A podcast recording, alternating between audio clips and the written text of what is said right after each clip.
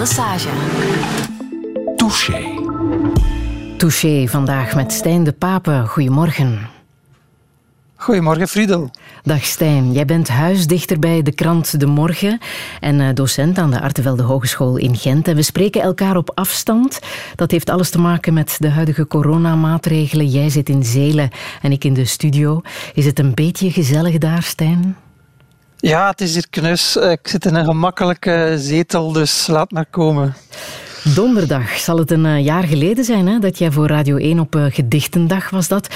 Een vers schreef om ons te steunen bij de coronapandemie. Helaas is dat nog altijd actueel. Je hebt ons toen allerlei suggesties gegeven over uh, wat kan helpen in deze moeilijke tijden. Het heeft geholpen, want er is ontzettend veel reactie op gekomen. Het was een, een hype op sociale media. Donderdag is het weer Gedichtendag, hè? Wat ben je dit jaar Klopt. van plan? Ik heb daar nog niet over nagedacht. Is het waar? Maar ik ben wel Peter van een, van een bijzonder project. En dat is ter gelegenheid van Gedichtendag. Mensen konden via allerlei bieps, die van Aalst, die van Hasselt, die van het Waasland, van Oostende, uh, gedichten uh, adopteren om op hun raam te komen laten schrijven. Dus weesgedichten. En dat liep goed, want al die weesgedichten zijn geadopteerd en zijn nu her en der worden nu her en der op ramen geschreven. Dus daar ben ik Peter van en ik ben er bijzonder fier op. Een fier Peterschap. Ja, ja. Voor jou is het elke dag uh, gedichtendag, hè? want al vijf jaar lang schrijf je in de morgen als moderne rederijker een dagvers. Dat is uh, ja, een, een vers waarop je uh, het nieuws becommentarieert in versvorm. Dat deden ze al in de klassieke oudheid. Hè? Dat is een pak ja, dat jou ook goed past, vind ik. Ja, het is ook iets wat ik altijd al willen doen heb. Zo uh, een beetje van op de zijlijn kritische commentaar leveren. Met een kwinkslag, met een knipoog of met een klein zweepslagje. En dat is, ja, het is inderdaad een hokje dat mij goed staat daar op de tweede bladzijde. Ja, de moderne rederijker. Um, rederijkers waren niet altijd zo'n vrolijke mensen, hè? Herken het waren zeurpieten soms. Ja, hè? Het waren soms enorme zeurpieten omdat in die tijd ja, was er ook niks anders dan lectuur. Hè. Als het licht uit was, ging je slapen en als er, licht, als er een kaarslicht was, kon je lezen. Dus die gedichten die bleven ook maar duren bij de rederijkers, werkelijk eindeloos. Zeer virtuoos, zeer bewonderenswaardig. Maar vandaag eh, hebben we het toch liever een beetje beknopter. Dus in die zin ben ik niet een echte rederijker, maar een, een moderne rederijker. Ja. En behalve dat, behalve dat uh, hoe zou jij jezelf omschrijven? Oh, ik, ik, ik vind mezelf in de eerste plaats een uh, vader van twee uh, leuke dochters. en, en daarnaast dichter en liefhebber van alles wat met taal te maken heeft. Mm -hmm. En ook erg geliefd bij jouw lezers, hè? Dat heb ik gemerkt op uh, sociale media bij de aankondiging van ons gesprek van vandaag. Ja, ja dat, dat verwondert mij en, en, en verblijdt mij ook altijd. Maar ik kijk er toch altijd van op, want van, op mijn, van op mijn uh, hoekje waarin ik mijn gedicht schrijf, heb ik contact met niemand. Tot je het dan publiceert of tot je merkt, ja, er zijn toch veel mensen die het lezen en die mee zijn met dat ik op de radio kom. Ja, het is, het is hartverwarmend hoor, maar het, ver, het verrast mij wel. Ja. Mag ik jou ook omschrijven als een oude ziel? Is dat ook een term die ja, bij jou past? Mark Koenen zei dat over laatst ook eens tegen mij, dus mm -hmm. het zou wel kunnen kloppen. Ik, ik denk het, ik hou van dingen die voorbij zijn. maar tegelijkertijd ben je ook een fan van de plankaart. Hè? We moeten daar eerlijk in zijn. Ach, Hadden wij nu niet afgesproken dat we dat onder ons gingen houden? Nee. het is te laat. Het is gebeurd. Ja. Het is gezegd. Ja, ik heb, één guilty, ik heb verschillende guilty pleasures, uh, maar één is inderdaad de plankaart. Dat ja. is een uh, vaste prik op zondag. Het is nu weer voorbij. Het is zo'n uh, zonnige familie, uh, vrolijkheden onder elkaar. Ze worden iets te strak geregisseerd, vind ik. Het is iets te veel afgesproken. Nu gaan jullie overleggen daarover. Maar daarnaast zie je zo eclatante persoonlijkheden die op een heel eigen wijze in interactie zijn met elkaar. Ik vind dat eigenlijk onweerstaanbaar. Maar het schijnt bij je ook een, een zeer goede imitator, Stijn. Klopt dat? Ja, dat, ik, dat schijnt zo te zijn, ja. Ja, en mag ik die twee dan met elkaar combineren? Imitator van de plankaart, zit dat ook in jou? Mijn, naam, mijn naam is Eddie Plankaart, altijd kruir geweest. En zo begint het altijd.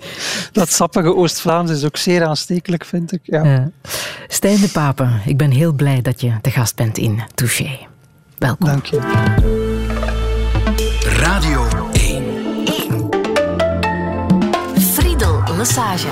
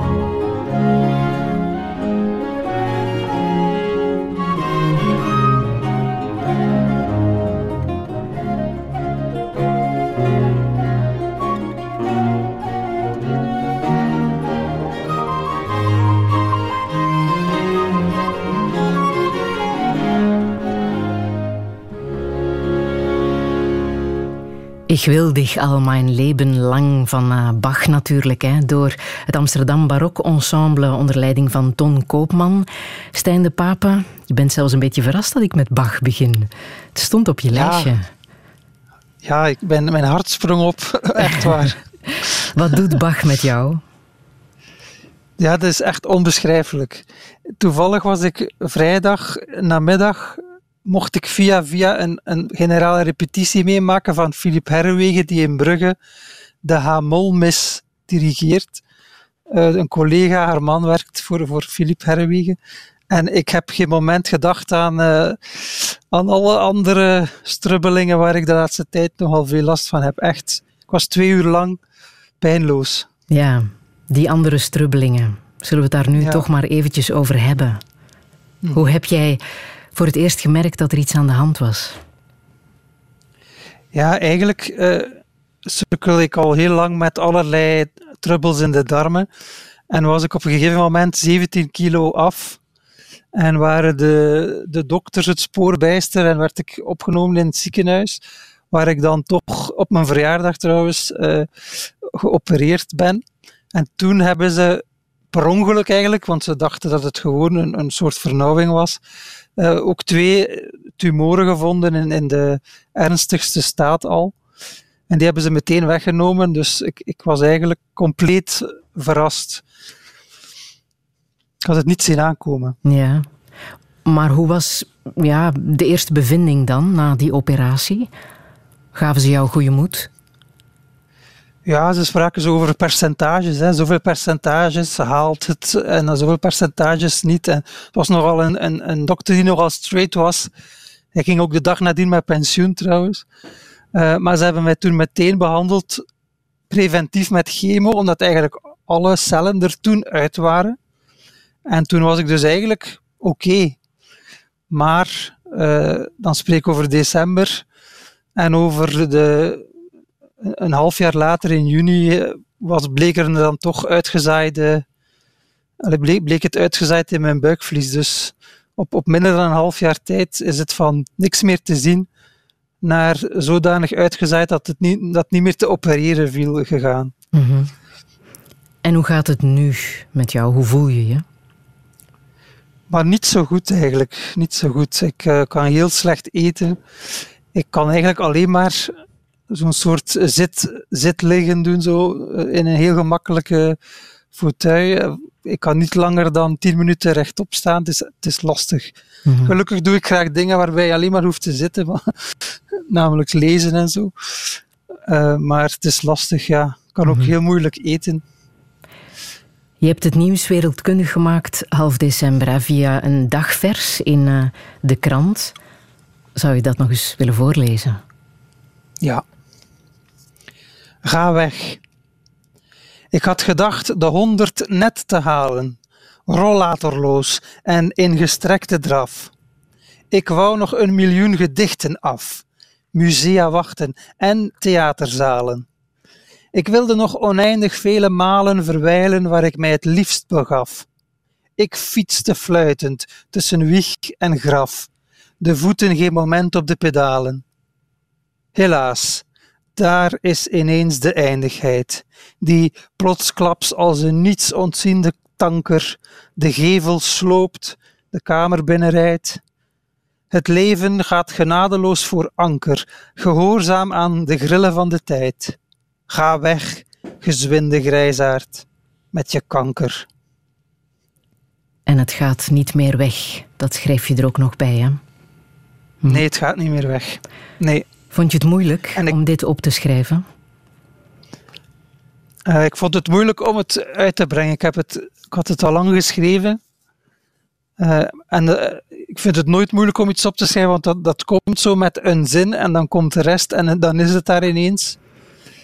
Ik vind het, wat erin staat, daar heb ik het natuurlijk wel moeilijk mee. Die, die ineens van dag op dag te horen krijgen dat je tijd veel beperkter is dan je had ingeschat. Maar om het op papier te krijgen, ja, dat komt. Dus daar, daar, daar kan ik niet veel aan doen. Mm Daar is ontzettend veel reactie op gekomen. Hè? Al dan niet in dichtvorm trouwens, van jouw trouwe lezers.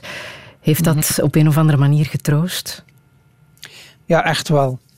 Dat is, dat is, niet, dat is, dat is niet flauw of zo, maar ja, iedereen, ook al ken ik die niet echt, kennen zij mij wel, maar ken ik hen vaak niet, die, die op, op welke korte of banale wijze ook laat voelen, dit komt binnen, of ik leef met je mee, of ik herken dit. Ja, troost toch echt wel eventjes en, en, en helpt. Wat helpt, dat, dat, dat heeft mij toch wel vaak geholpen. Ja.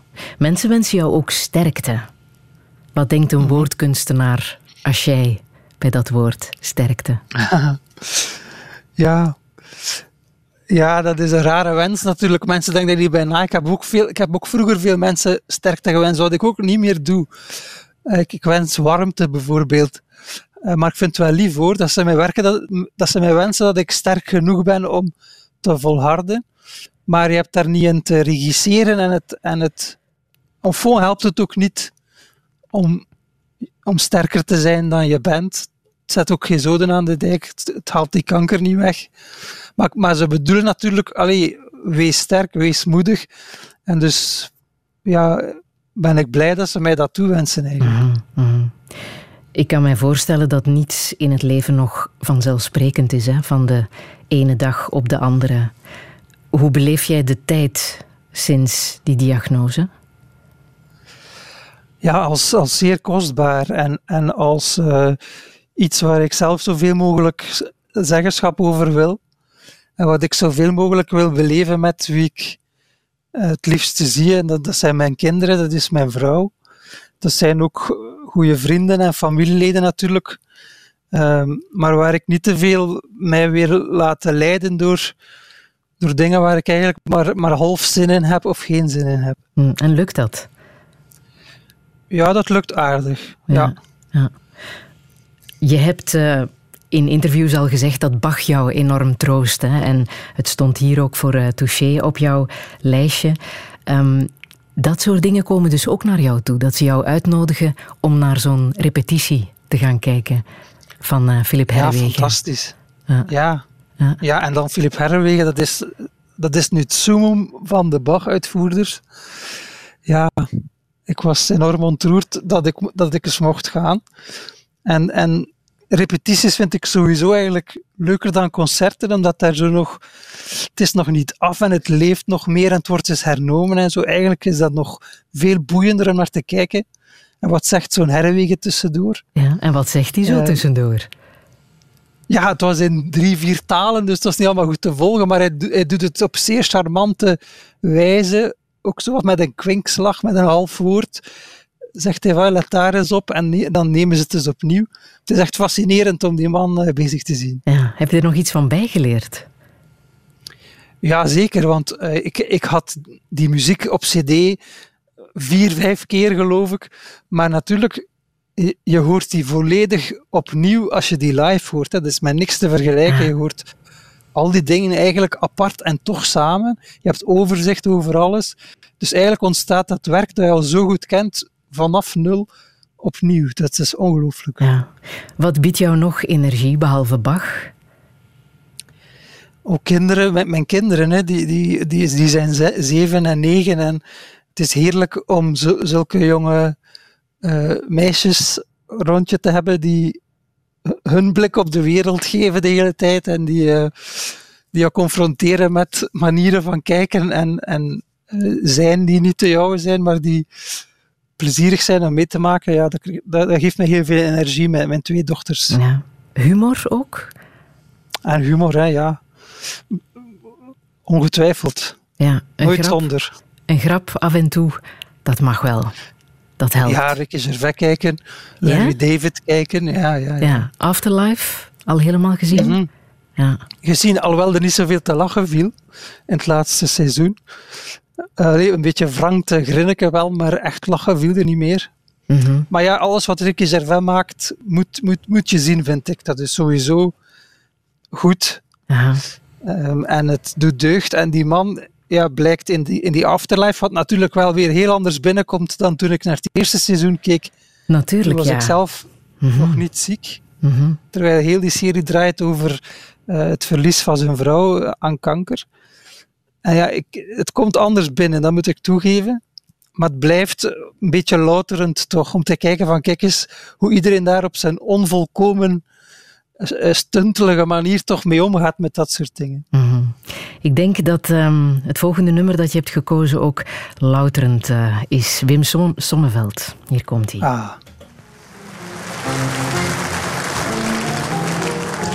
Een liefdesgeschiedenis uit Den Haag. Tiroom Tango. Toen ik jou de roze Tiroom langzaam binnenschrijden zag met je kaal gevreten bontjas en je arrogante lach. Een afschuwelijk beeld van honger en ellende. Vroeg ik me af hoe ik jou in hemelsnaam herkende. Maar toen iedereen jou nakeek met die blik van oh la la, dat moet vroeger iets geweest zijn van kom sa en ga maar na. En de ober zelfs een buiging voor je maakte. Toen voelde ik dat mijn verbetering ontwaakte.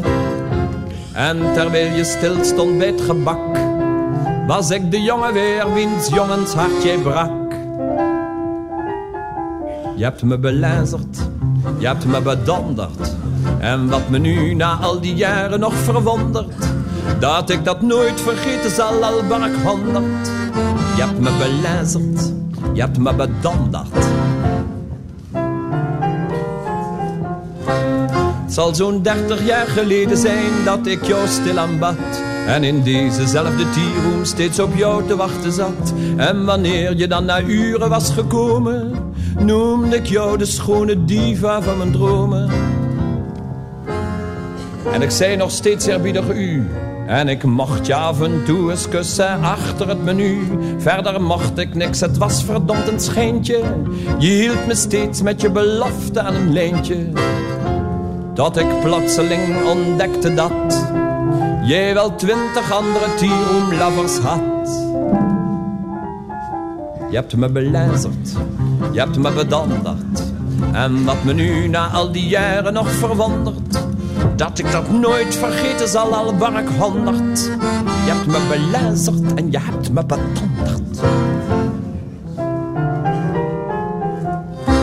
En nu zit je aan mijn tafeltje en vraagt me mag ik thee? En je attaqueert de taartjes en wat kijk je weer gedwee? En je fluistert jonge haal uit de nesten. Want het is of heel de wereld me wil pesten. Je bent veel te dik gepoeierd en de mot zit in je hoed. En ik zie ook dat je huilt, zoals een slechte actrice doet. Je pikt weer een sigaret en vraagt een vuurtje. En je zegt achter je zevende likeurtje... Ach, je weet dat ik jou de liefste vond. Geef me wat geld, boy, want ik zit vreselijk aan de grond. Dan zeg ik, zit jij aan de grond? Dat is heel belazerd. Dat is reuze bedonderd. Dat ik de liefste was, is iets wat mij verwondert. Vraag het die andere maar, je had er minstens honderd. Oba! Oba? Hm. Over deze dame wou even alles afrekenen. Ja, ik ben belazerd.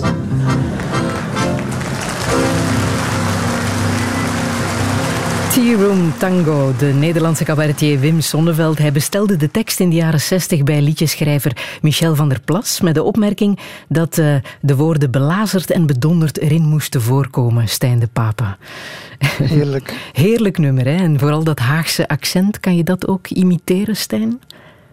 Oh ja, en je assageert mijn taartjes en wat kijk je weer gedwee. En je zacht bij jonge heil bij uit de nesten. Ja, heerlijk. Heb jij ooit gezongen? Heb jij dit ooit proberen te zingen? Jouw eigen verzen bijvoorbeeld?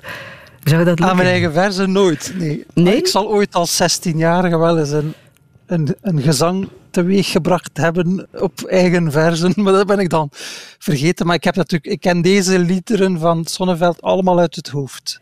En wie heeft jou Wim Sonneveld leren kennen? Ah, mijn grootvader is uh, daarvoor verantwoordelijk. Die, Ja? die, was, die had zo'n een, een prachtige rode uh, koffer met alle grammofoonplaten van Sonneveld erin. En die heb ik samen met hem en ook alleen grijs gedraaid. En hij had ook de, de drie grote one-man-shows op VHS. En uh, allemaal gezien, uh, Frater Venantius, uh, zij kon het lonken niet laten en, enzovoort. Kan het allemaal. Ah. En wat voor ja. iemand was jouw grootvader? Ah, mijn grootvader was ja, mijn grote vriend en mijn grote held. Die mij op het pad van het, van het dichten gezet heeft ook. Die van zodra ik geboren ben, denk ik, versjes schreef over mij en voor mij en ook voor alle andere familieleden. Die lezer was, verwoed lezer, uh, verwoed uh, zondagsdichter, plezierdichter. Die mij dus ook Dr. Andus P. leerde kennen, dus allemaal via hem. Toon Hermans, Wim Sonneveld. Ik ben heel schatplichtig aan mijn, aan mijn grootvader, enorm. Ja, ja. Je woont ook in het huis van je grootvader in Zelen, hè? Ja, ja. klopt. Ja. Wat ja. maakt dat jij onder de eigen kerktoren bent blijven haken? Ja, dat klopt. We hebben een tijdje in Gent gewoond en ik heb in Gent gestudeerd en het was daar heel leuk.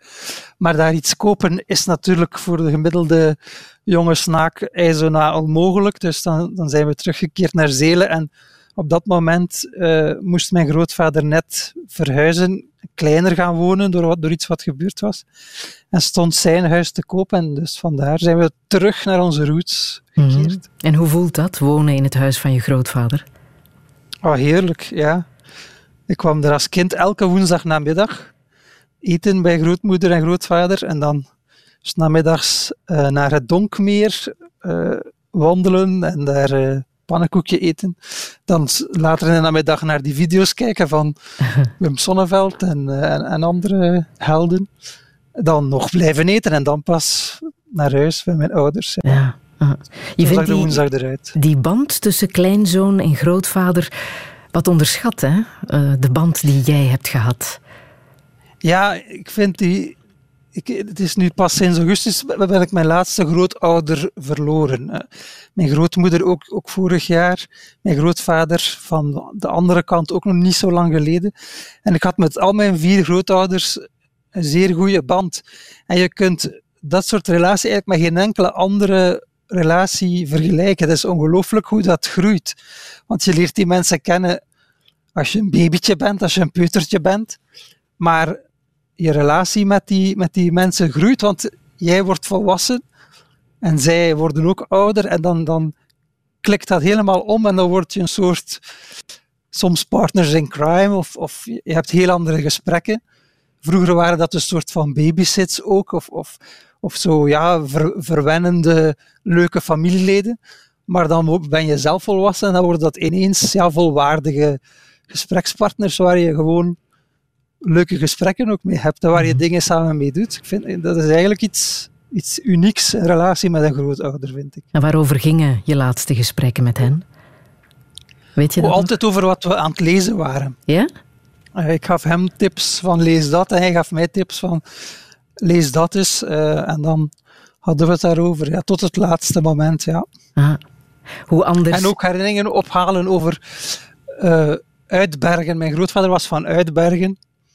En hij had zo van die gevleugelde woorden van Uitbergse inwoners die hij vaak zo keer zei. En ik kende die ook allemaal van buiten en dan haalden we die nog eens naar boven. En ja, we hebben tot een paar dagen voor zijn dood nog, nog uh, stevig zitten lachen daarom. Hmm. Hoe anders is uh, de band met je ouders? Als je dat vergelijkt met die band met je grootouders? Ja, helemaal anders. Ja. Je ouders zijn nooit zo dat, dat soort uh, personen geweest die ja, je ouders, daarmee zijn de, zijn de banden natuurlijk dichter, maar daardoor, daardoor zijn je verantwoordelijkheden tegenover hen ook helemaal anders. Je moet je, je, moet je inpassen in, in je gezin, hè, dicht bij je ouders. Je moet je er ook af en toe tegen afzetten. Maar je grootouders, dat zijn zo uh, buitenstanders waar je bij wijze van snoep je eigenlijk uh, of bij wijze van excursie naartoe kunt. Dus je, eigenlijk ga je weg van thuis naar je grootouders. Dus, dus dat is eigenlijk niet te vergelijken, de, de band mm tussen die twee soorten familie. Ja, maar het was een prettig nest, hè? Ja, hoor, de ja, ja. thuis. Een, een, warm nest waar er stevig gediscussieerd werd ook. En uh, elkaar uh, kritiek geven, dat is, dat is eigen aan ons, aan ons gezin. Ja? Ja, ik denk dat dat, dat dat is ook wel een beetje zeels, zo zeggen wat je denkt en niet zo, niet, niet zo omvloerst zijn. Maar dat is ook zeer eigen aan ons gezin, op mekaars kap zitten, zoals dat dan heet. Uh, nogal snel uh, kritiek geven, misschien te snel, misschien een keer te bitsig en dan uh, zonder dat dat te lang blijft hangen. Aha. Zo was dat bij ons. Aha. Aha.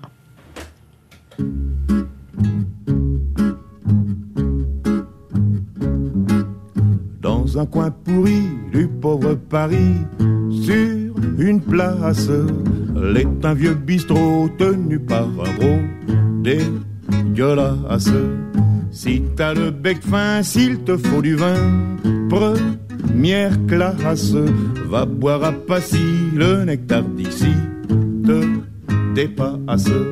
Mais si t'as le gosier qu'une armure d'acier, ma te lasse, goûte à ce velours, ce petit bleu lourd de menace.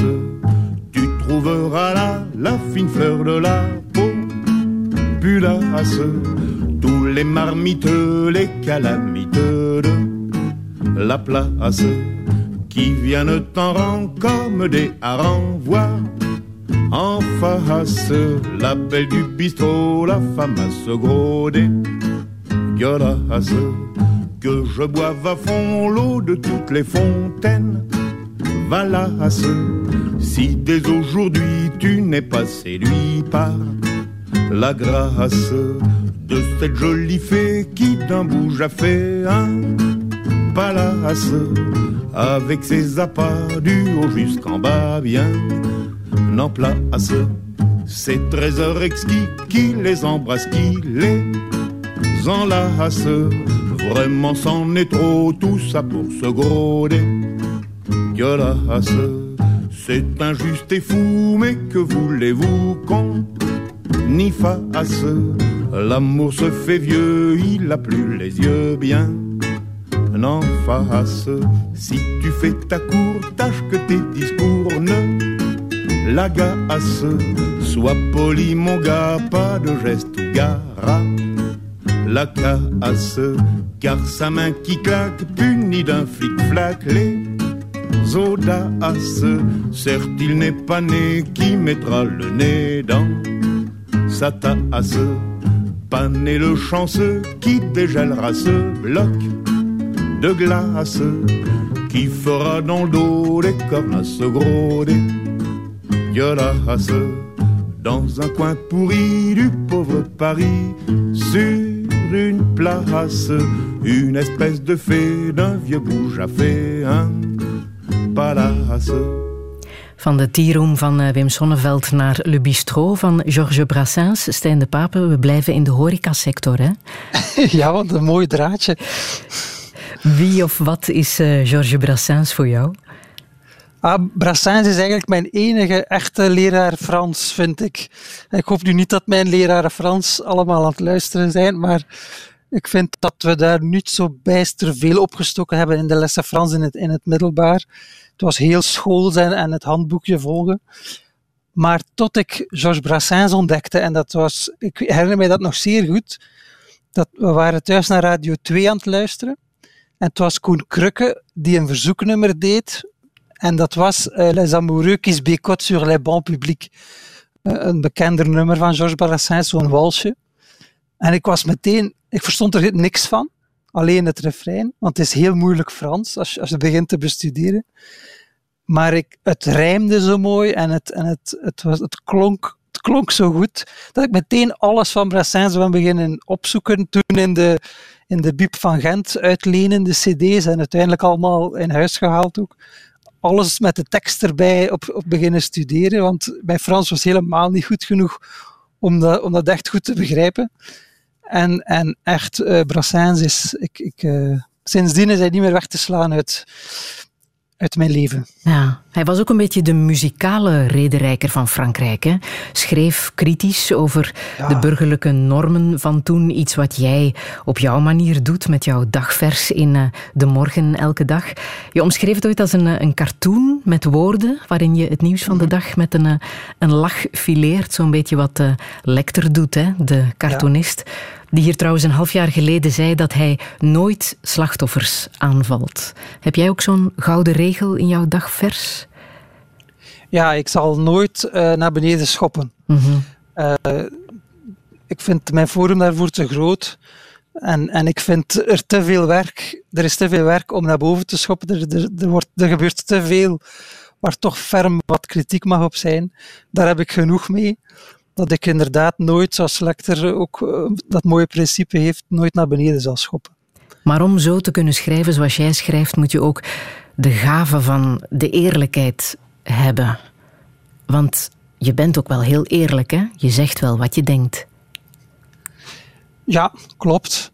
Um, maar ik denk dat ik het wel zodanig zeg dat je misschien eventjes zou kunnen opveren in je stoel, stel dat jij het onderwerp zou zijn, maar dat het mij toch, uh, dat toch niet onvergeeflijk is. Dat je misschien wel eventjes uh, gepikeerd bent of zo, maar dat, dat er toch geen eeuwige vetes van zouden kunnen komen, mocht ik al on speaking terms zijn hè, met mensen die ik be bekritiseer. Dus ik, denk, ik denk dat ik het hoffelijk doe. Mm -hmm. Ik probeer dat. Hè. Um, Zo hoffelijk dat, ik... dat je het ook rechtstreeks aan de mensen zelf zou kunnen zeggen? Oog ja, in oog? ik denk het wel. Ja, ik had vroeger, uh, deed ik wel eens presentaties uh, van muziekbands en zo in Zelen, de brassband. En dan wist ik ook van sommige prominenten dat die in de zaal zouden zitten en, en dan maakte ik met opzet grapjes of gaf ik met opzet een beetje kritiek op de deken of zo. Wat mij niet altijd in dank werd afgenomen, maar dus ik, ik, ik vind dat dan toch nog hoffelijk, want ik durf het in het, in het nabij zijn van de persoon in kwestie. Dus. Ja, maar het blijkt ook wel de ideale manier te zijn om tegen de macht de waarheid te zeggen. Toch? Met humor, met een uh, kwinkslag. Ja, ik denk het wel. Ja. Daardoor komt het wel binnen, denk ik. Dat is zoals, zoals die spoonful of sugar van Mary Poppins een beetje. Het, het, het zit meestal in een goed ritme. Er zit meestal wel iets van een grapje in. En daardoor komt het binnen, denk ik, zowel bij de tegen- als bij de voorstanders. Ja, ja. Uh, het is opvallend um, dat je zegt, ja, ik blijf altijd wel beleefd en hoffelijk. Want uh, je hebt me ook een uh, fragment uit een tekst van Gerrit Komrij doorgestuurd, uit de ultieme vergaarbak, die daar toevallig over gaat, hè, over etiketten. Wil je het misschien eens voorlezen? Graag. Steeds minder waarderen mensen de schoonheid van de formele omgang. Het sieraad van de afstandelijkheid heeft plaatsgemaakt voor een vals soort vertrouwelijkheid. Het jijen en jouwen. Het elkaar bij de voornaam aanspreken. Het elkaar joviaal op de schouder timmeren. Het is een manie geworden. Niemand intussen zal daaraan de conclusie willen verbinden dat mensen zich meer voor elkaar zijn gaan interesseren. Bij nadere beschouwing blijkt juist dat de versimpeling van de omgang vaak bedoeld is om zich des te lichtvaardiger van iemand af te maken. Hoe jovialer je in een mens knijpt, hoe duidelijker je te kennen geeft dat die mens lucht voor je is. Heeft hij gelijk? Is de waarde van etiketten verloren gegaan? Ja, meer en meer toch. Hè? Uh, je ziet het al aan instanties die je met jij en je aanspreken, bijvoorbeeld. Ik merk dat wel eens bij de NMBS. Bepaalde radiostations eh, durven dat ook te doen. De luisteraar aanspreken met je en jij. Terwijl ik denk, ja, wij kennen elkaar toch niet persoonlijk. Zo lang zeggen we toch u, dat hadden we toch zo afgesproken. Ik, dat heeft zijn charmes, vind ik. Dat is, dat is bijna volledig voorbij. Ja, ik spreek jou nu ook aan met je en jij. Zal ik omschakelen, ja, Stijn? Meneer De Papen? We kennen elkaar, Friedel, want we hebben op voorhand zo'n beetje afgesproken. Oké, dan mag het. Als er een, dan mag het. een begin van een vertrouwensband is. Ja, ja je voelt dat, denk ik. Wanneer het misplaatst is en je voelt het wanneer het op zijn plaats is, dat je, dat je jijt en jouwt. Ja. Ja, ja. Een andere literaire held naast Gerrit Komrij is um, Jeroen Brouwers, hè? Ja, klopt. Ja. Hoe is het... Uh, bij hem begonnen, de liefde voor zijn werk? Ja, het is denk ik begonnen met Zonsopgangen boven zee. Dat is een van zijn vroegere romans, jaren zeventig. Um, ik meen me dat herinneren hoor. En dat gaat dus nergens over. Dat is een man en een vrouw die opgesloten zitten in een lift. Dat is het. En dat is wel drie, 300, 400 bladzijden dik.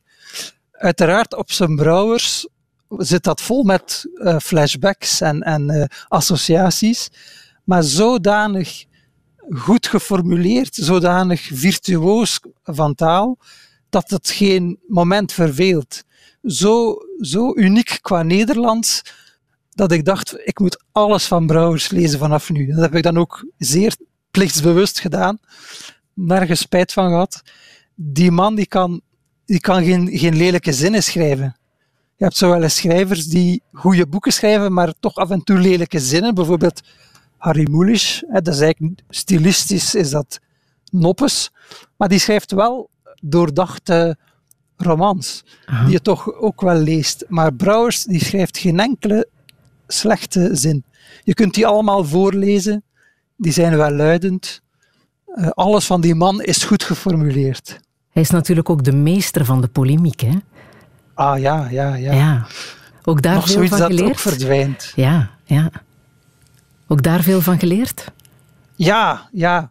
Wel, Gerrit Komrij, um, Jeroen Brouwers en Willem-Frederik Hermans. In mijn uh, pubertijd en studententijd heb ik al die, die polemieken volop gelezen. Ook hoe ze elkaar, eh, niet die drie elkaar, maar hoe ze als schrijver bijvoorbeeld andere schrijvers durfden hevig aan te pakken. Veel heviger dan ik ooit zou durven, als ik eerlijk ben. Maar zo succulent qua taal en, en, en qua spitsvondig geformuleerd. Misschien soms een beetje op het randje van op de man, maar zodanig smeug, uh, in smeug Nederlands dat, dat, je dat, ja, dat je dat erbij neemt. Ja. Stel dat jij vastzat in een lift met Jeroen Brouwers. Waarover zou je het dan hebben? Oh, ik zou natuurlijk eerst een half uur uh, blozen en zwijgen en niks durven zeggen van overdonderdheid. maar ik zou denk ik uh, meteen over andere schrijvers en, en, en, en gezamenlijke interesses. Ik denk, ik denk dat hij ook een enorm muziekliefhebber is, dus ik denk dat we over muziek zouden beginnen. Ah ja. Ah. Hij heeft ook ooit gezegd dat hij liever componist was geworden Ja, ja, en zijn grootvader was componist. Ja, ja. En hij schrijft eigenlijk romans zoals eh, Beethoven symfonieën componeert, hè, waar niks toevallig is, waar alles met elkaar samenhangt.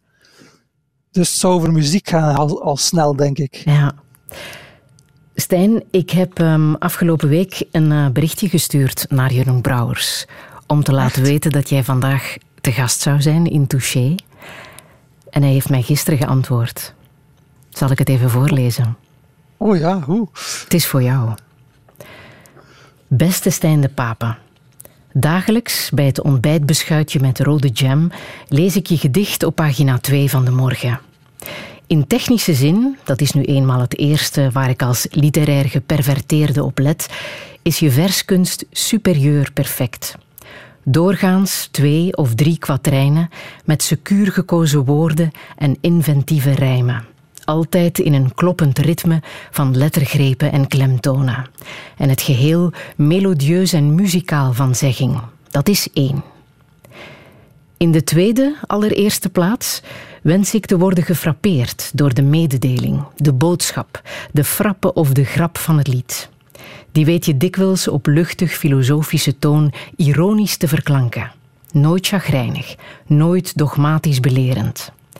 Je staat me toe erom te glimlachen.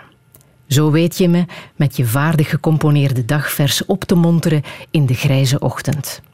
Ik vergeet erbij van mijn beschuit te happen, die tijdens mijn concentratie scheef in mijn hand komt te hangen, waardoor je poëzie onder klodders rode jam bedekt raakt. Met plakkerige vingers, waarmee ik de jam uit je woordcreatie heb opgedept, reik ik je mijn hand, waarde Stijn. Al hebben we elkaar nooit in persona ontmoet. Hier is mijn bewondering en sympathie voor je. En ik gun en wens je nog louter welbehagen. Jeroen Brouwers.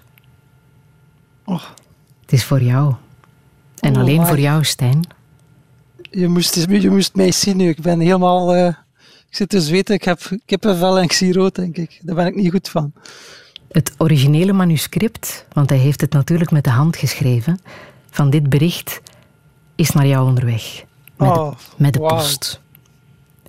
Jij wou toch alles hebben, hè? Jij wou toch alles hebben, hè? Van alles Ja, ja, nu heb ik alles van Brouwers. Ja, Oh, je hebt al zijn boeken al, maar dit had je nog niet. Een persoonlijk bericht Oh, van Stijn. Dank je wel.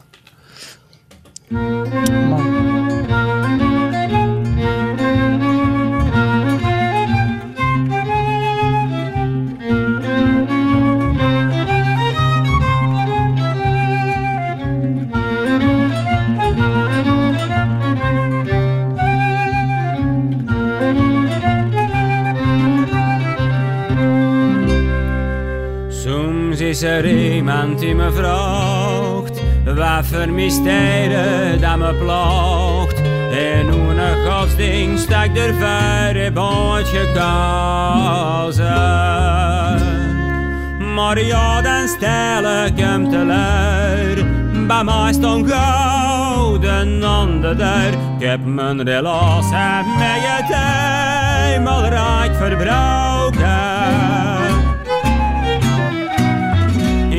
een keter onder de man Die van zijn leven niet zal verstaan Waarom dat God zijn eigen kinderen moet slagen. Is hem dan echt zo primitief Zo'n barbaar, zo agressief? Nee, zeg maar stil Ik wil geen antwoord op die vragen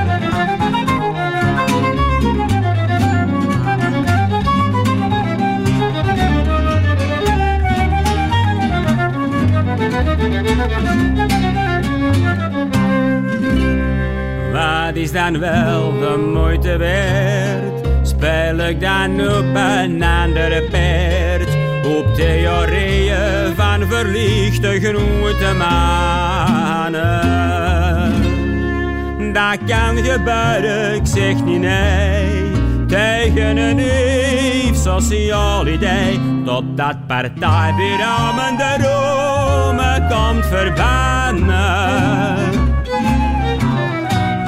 zijn dus een onder de man die van zijn leven niet zal verstaan waarom dat Mark zijn eigen kinderen moet plagen. Was hem dan echt zo primitief of gelovig of naïef? Nee, laat maar zitten, het is niet schoon om dat te vragen.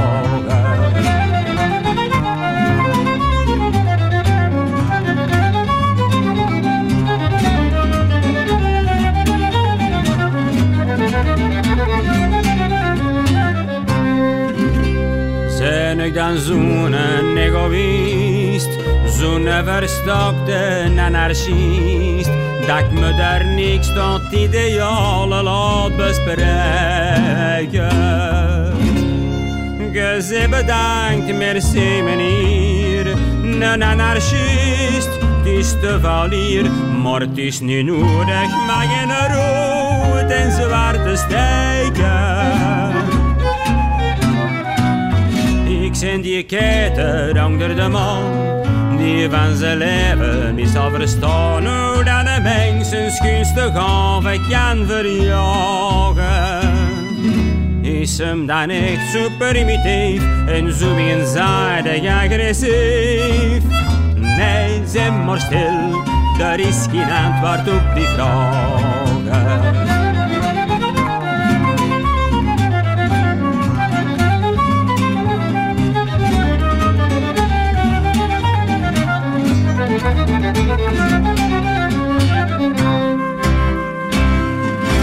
Ketter onder de maan van de onnavolgbare Wannes van de Velde. Stijn de Pape. Mooi, Ja, hè? Prachtig, hè? lied, hè?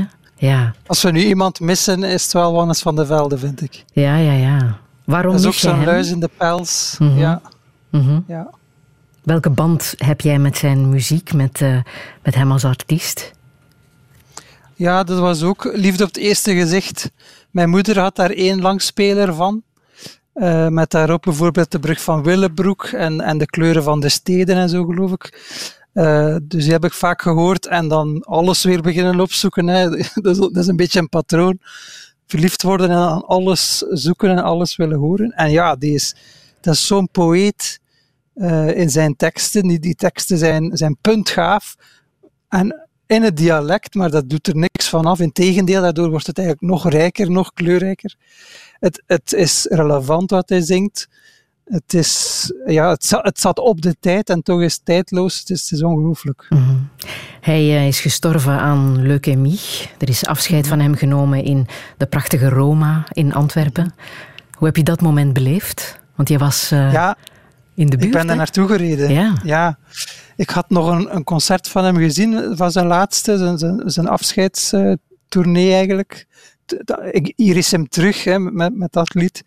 Eh, en toen hij ehm, begraven werd in de Roma, wou ik daar zeker naartoe. Het was een prachtige, prachtige avond, vol getuigenissen en muziek en, en flamenco en, en, en heel mooi.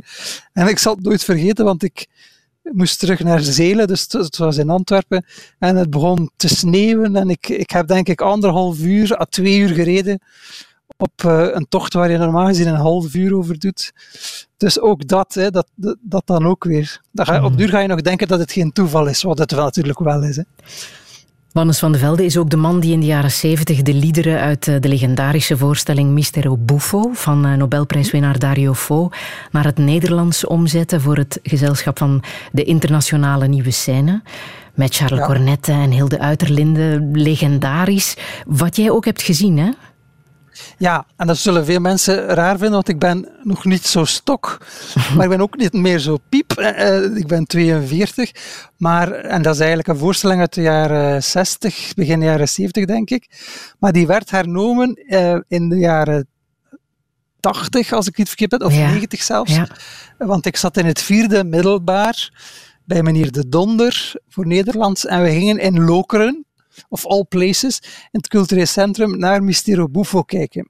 En hij had ons al klaargestoomd, zoals leraar Nederlands dat kunnen, hè, ons geenthousiasmeerd eh, en dat dat het mooiste is wat we ooit zouden zien op, op theatraal gebied. En, en dit en dat zou er gebeuren. Enfin, niemand trapt daarin, maar eh, dan ga je er wel naartoe. En echt, ik was, ik was helemaal ehm, om. Ik was helemaal verkocht. Eh, dat was zo sterk, die, die, die teksten waren zo straf. Dat, dat er werd geacteerd dat de, dat de spetters ervan afvlogen. En dan tussendoor die mooie liedjes van, van de Velden op Italiaanse volksmelodieën. Dat, was, dat heeft mij uh, enorm gegrepen en ik ben dat nooit vergeten. Ja, wat dacht je? Dat wil ik ook. Ik wil ook wel op een podium staan. Ja, toen dacht ik, ik word acteur. En ik ga naar de studio Herman Teling, zoals Jan de Cler. Die deed toen niet meer mee in de herneming, maar um, ja, dat was toen mijn droom. Um, dat is het maar, niet geworden. Ja, men, vond, men vond dat ik eerst een ernstig vak moest leren. Mm -hmm. Dus ik heb dan maar Germaanse uh, gedaan in Gent. Uh, Nederlands gaan studeren, wat toch ook iets met, veel met taal te maken heeft. Maar um, ik zat ook in de academie uh, voor woordkunst. Zo, hè. Dus ik deed, ik had wel toneellessen. Zo, aan de academie. En dat was bij Roger Bolders, die gaf dat in Lokeren. En voor het jubileum van de academie gingen we ook Mystero Buffo uitvoeren. Wow. En dus we hebben als leerlingen al die liedjes uit het hoofd geleerd. Um, dus ik kende die allemaal ja. uit het hoofd. En dan nog iets later ben ik in Zelen bij het amateurgezelschap Theater Rhetorica uh, heb ik mij aangesloten. En daar hebben we een drietal jaar geleden Mystero Buffo gespeeld. Dus eigenlijk is dat een stuk dat van mijn vijftiende tot mijn veertigste meegelopen is en waar ik uh, dus uiteindelijk zelf heb in mogen meespelen. Dat, was, dat had ik nooit gedacht toen ik daar als knaap zat te kijken naar Charles Corneille, Ilse Uiterlinden en al die fantastische acteurs. Ja. En om nog eens naar dit lied terug te keren, Ketter onder de maan, in hoeverre ben jij een, uh, een ketter, Stijn?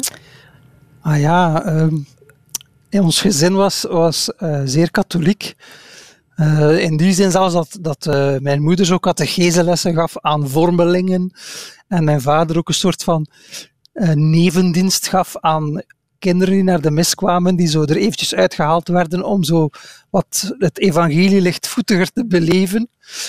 En dus tot mijn achttiende ben ik wekelijks naar de mis gegaan. Aha. Tot ik natuurlijk één, één mijn, mijn vriendin leerde kennen, mijn lief, mijn vrouw nu nog, die al een ketter was, die daar helemaal niks meer van geloofde. Maar ik was nog een beetje sceptisch. Tot ik naar de universiteit bij Etienne Vermeers uh, filosofie ging studeren. Dat was een keuzevak daar. En daar ben ik dan definitief van mijn geloof gevallen. Dus ik ben een ketter sinds mijn achttiende eigenlijk. Aha, aha. Ja. Stijn, een vraagje. Herken jij deze muziek? Ah. Ja? Want het is eigenlijk van voor jouw tijd, hè? De ja. collega's natuurlijk. Hè. Zo begon eind Ja. jaren 70, begin jaren 80 de iconische tv-serie. Ehm, maar jij hebt die serie niet live, denk ik, gezien op tv. Daar was je nog net te klein voor. Staat nu helemaal op VRT Ja. Nu. Die kan je daar helemaal herbekijken. Maar je had wel iets met eh, de film De Collega's. De Collega's maken De Brug, de film uit 88 van regisseur Mhm. Vincent Trouffard. Ja, ik heb de hele serie wel gezien toen die heruitgezonden werd. Weer ergens jaren tachtig, geloof Ja. ik. Ik denk eh, op, een, op een zondag zo iets te vroeg om primetime te zijn. Dus ik was, ik was al om door de serie, vooral fan van de directeur, hè, Tien Pond. Ja, ja, ja. Eh, mannetjes, eh waarken hè, mannetjes. Goed gewaakt, hè. Eh, dus dat, dat, dat een prachtige accent ook.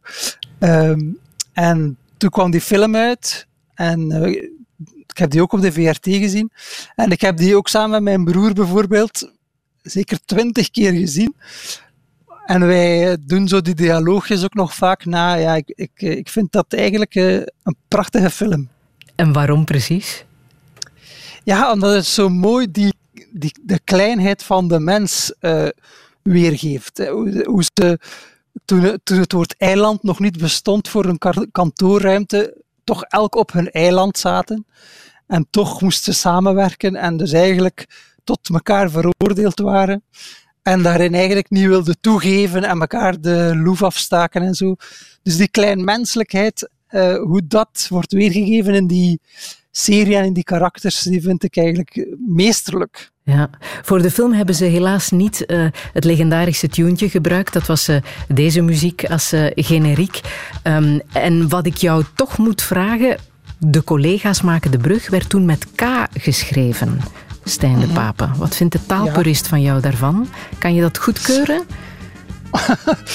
Oh ja, dat, uh, dat waren die, die spellingsveranderingsvlagen zo. Hè. Ja. Om de, dat om was de, de tijdsgeest, hè? Ja. ja. Ja, toen was ik daar nog niet zo mee bezig. Mm. En spelling vind ik ook niet zo'n interessante kwestie. Nee, het is de inhoud. Maar, ja, ja, dat is maar een vehikel. Hè. Ja. Ik vind uh, uitspraak en, en mondelinge taal veel belangrijker dan...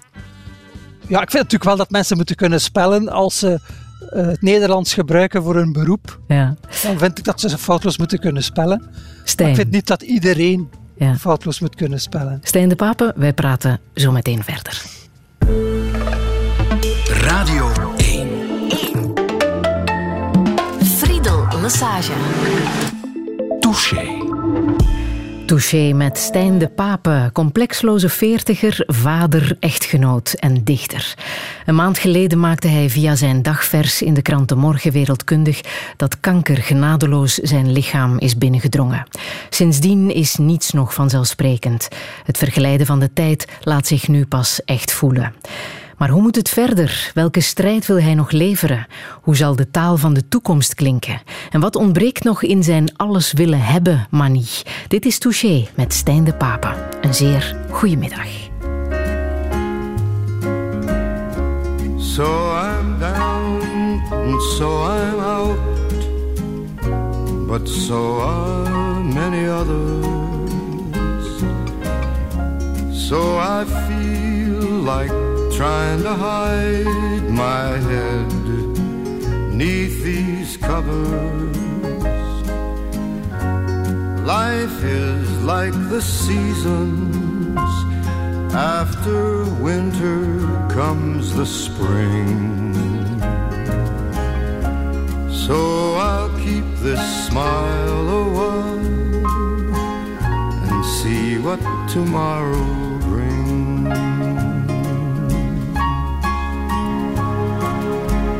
I've been told, and I believe, that life is meant for living. And even when my chips are low, there's still some left for giving. I've been many places, maybe not as far as you. So I think I'll stay a while and see if some dreams come true.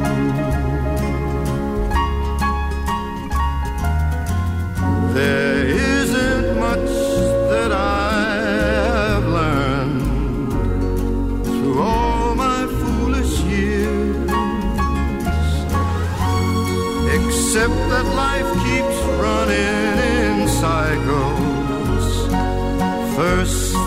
laughter, then those tears.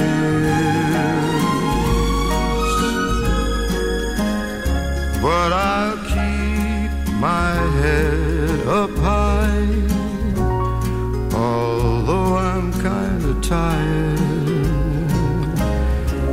My gal just up and left last week. Friday, I got fired. You know, it's almost funny, but things can't get worse than now.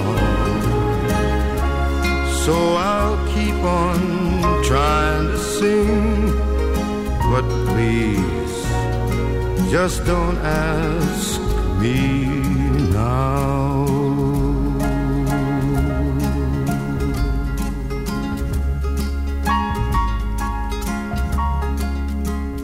Bloedmooi nummer van Frank Sinatra, Cycles, Stijn de Pape. Welke, ja, mooi hè? Welke betekenis heeft dit lied voor jou?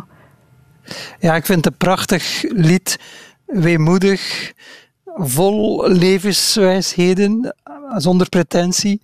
En ook, ja, natuurlijk alleen maar zoals Frank Sinatra dat kan brengen. Hè. Ah. Die man moet alleen maar zingen. En dat is wat hij doet. Hij voegt er niks aan toe dan die stem. En die manier van fraseren, zo, die, die uniek is. En, en dat maakt dit lied eh, ja, perfect eigenlijk. Mhm, mhm. Zo is het, hè? En zo moet het ook. Ja. Ja. ja. Om goed te zijn. Stijn, als jij nog één strijd zou ehm, kunnen voeren, moeten voeren, dan is het die van eh, het onderschatte beroep van kleuterleider. Hè? ja, zeker. En dan overdrijf ik niet. Nee, nee, helemaal niet. En dat wordt elk jaar urgenter. Hè. Er is eigenlijk geen enkele job, denk ik. Allee, ik overdrijf misschien eh, sowieso alle leraren en, en hoe jonger de kinderen zijn, hoe belangrijker ze zijn.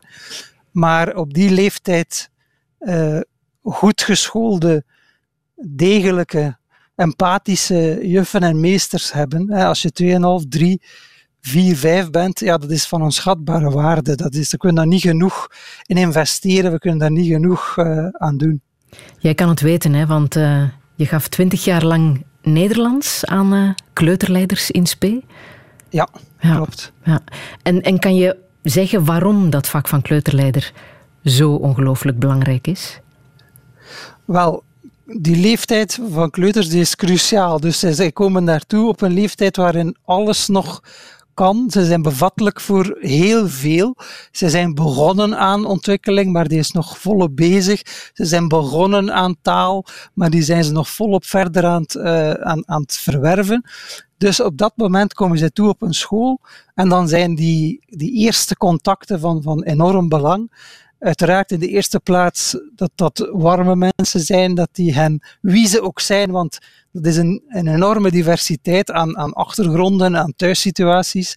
Je weet niet van waar ze komen. Dus dat die met een enorm hart worden ontvangen, eerst, in de eerste plaats, maar dat die ook op, op korte tijd heel degelijk onderwijs krijgen, zodat ze heel snel dingen oppikken, taal, talig worden, inzicht krijgen in de wereld, op, op, op, eh, op doordachte wijze, maar natuurlijk op heel speelse wijze, op heel muzische wijze, met veel muziek, met, met, met, met, met alle kleuren van de taal erin te betrekken. Ja, dat is van een enorm belang. Mhm. In jouw columns haal je ook wel eh, vaak uit naar eh, kinderprogramma's op televisie, Ketnet en Studio 100.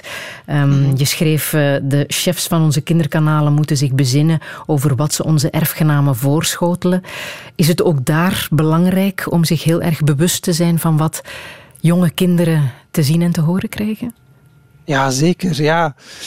En het is, het is zo makkelijk ook om kinderen dingen mee te geven. Dus het is daarom des te belangrijker dat je er heel hard over nadenkt. Want het gaat erin als koek, zeggen ze in, in, in Nederland. Hè. Dus eh, wat je brengt, komt binnen. Dus als dat dan rommel is en, en ondoordachte pulp en, en eh, dingen die ze al lang weten en al lang kennen, zoals Studio 100 eh, doet, ja, wat zitten ze daar dan te doen, behalve een beetje geëntertained te worden? Terwijl als je iemand als, als Hugo Matthijssen kinderprogramma's laat maken, wat hij doet, maar veel te weinig doet, eigenlijk zou hij eh, vast in dienst moeten zijn om, om elk seizoen een nieuw kinderprogramma af te le- leveren. Ja, dan leren die kinderen, ze worden geëntertained, maar ze leren taal bij, ze leren over de wereld nadenken, ze leren filosoferen, ze leren goede muziek kennen. Dus dat is zo wezenlijk dat daarin wordt geïnvesteerd. Op televisie, in onderwijs, overal. Mhm. De kinderwereld is ook heel erg digitaal geworden, hè? met vooral veel beeld en nog weinig taal. Voel je daar ook al de gevolgen van, denk je? Ja, ik denk het wel. Daarom moeten we ook niet te veel overdrijven met zo in die eerste jaren in de kleuterklas te gaan investeren in digitale tools en weet ik veel. Dat hebben ze wel, hè. dat zien ze wel. Dat flitst voorbij, dat, dat, is, dat is zeer aanwezig sowieso. Dus je kunt daar gerust mee wachten. En dan in de klas vooral investeren in boeken, in goede prentenboeken, in poëzie voor kinderen, in poppenspel spelen, in, in, in, in, in spelen met elkaar, in uh, bewegen, in uh, toneelspelen met elkaar. En, en laat alsjeblieft die schermen, laat ze toe, hè, want ze horen ook tot hun wereld. Maar zet dat zeker niet op een piedestal. Het is zeker niet beter. Het vervangt uh, al, die, al die andere dingen niet. En het komt wel. Daar mhm. kunnen we 100% zeker van zijn. Het komt wel. In de lagere school, in de middelbare school, als ze volwassen zijn. Dus alsjeblieft, uh, hou dat gedijst, zou ik zeggen. Ja, wat je zegt, hè, poëzie voor kinderen, hoe is het daarmee gesteld? Oh, prima. Hè? Ja, we, we, hebben een onuitputtelijke bron aan, aan goede kinderpoëzie van Annie M. G. Schmid. Dat blijft goed. We hebben Edward van de Vendel, die, die een hedendaags uh, heel goed uh, kinderdichter... Uh, het is gewoon een dichter, maar hij mhm. schrijft ook voor kinderen. Mm ik, ik zelf heb ook een bescheiden poging gedaan tot een bundel voor, uh, voor jonge kinderen. Dus zit wel goed. Het is er. Er is een enorme schat voorhanden aan prentenboeken, aan versjes voor kinderen, aan verhalen voor kinderen, aan ook toneel voor kinderen. Allee, Vlaanderen is, is, is enorm rijk op alle gebieden. Dus de, de bron is, is eigenlijk bijna onuitputtelijk. Ja, en die bron is belangrijk, want dat um, heeft ook invloed op uh, de taal van onze toekomst. Hè? Hoe gaat die klinken, denk je? ja, als je Ruud Hendricks laat doen, dan uh, als die de taaladviseur wordt, uh, blijft van iedereen die, die met taal ambtshalve te maken heeft, ja, dan, dan zeggen we maar wat natuurlijk binnen een paar jaar. Hè. Wat bedoel je? het, is, het is fout om nog al te normerend te willen zijn in, in taal binnen Nederlands. Dat is blijkbaar fout. Mm Jij noemt de taalunie, noem jij de dwaalunie. En let ook op mijn gebruik van het werkwoord noemen in mijn vraag. Ja, ja. Juist. Dat heet, dat heet de taalunie, maar ik noem het de dwaalunie. Ja, ja, maar waarom? Want ik hoor jou behoorlijk boos worden. Wel, het is, het is natuurlijk complex. Want uh, het zijn allemaal golven. Hè. Dus in de jaren 60 en 50 was er uiteraard de golf van we moeten ABN spreken en we moeten allemaal zeer van alle Nederlandsismen en Anglismen en Gallicismen gekuist Nederlands spreken dat, dat, dat heel steriel is. Dat was zo'n golf. Dat is een beetje gaan liggen, maar zo in de jaren 80 en 90 waren we het toch over eens wat we algemeen Nederlands zo ongeveer zouden noemen. We waren het daar, naar mijn gevoel, de laatste jaren over eens. Maar nu, het laatste decennium, zijn de sociologen, de sociolinguisten aanzet. En, en die onderzoeken taal, die, die onderzoeken wat spreken mensen eigenlijk, wat spreekt de jeugd, hoe is de taal echt, en die beschrijven dat, wat heel interessant is. Maar nu maken ze daar de fout bij de taalunie.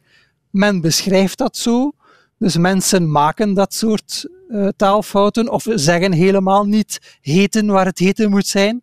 Dus dat, dat is niet zo dat iedereen dat gebruikt. Dat wil dus zeggen dat dat eigenlijk niet meer standaardtaal 100% is. Dus we gaan dat beschouwen als Belgisch-Nederlands. En zo worden dus dingen in gang gezet dat wordt echt gepeild, hè, van wie zegt mhm. wat en wie beschouwt wat nog als AN en wat niet meer als AN. En dat wordt geboekstaafd en zo. En daar baseert men zich op om dan dingen toe te laten en als niet meer tussentalig te beschouwen. Dus eigenlijk stuurt men enigszins op dat proces. Terwijl je ook zou kunnen zeggen, laat de taal evolueren, maar laat ze met rust. Hè. Ga daar niet op zitten op zitten sturen van ja, laat het maar los en noemen, heten. Hè.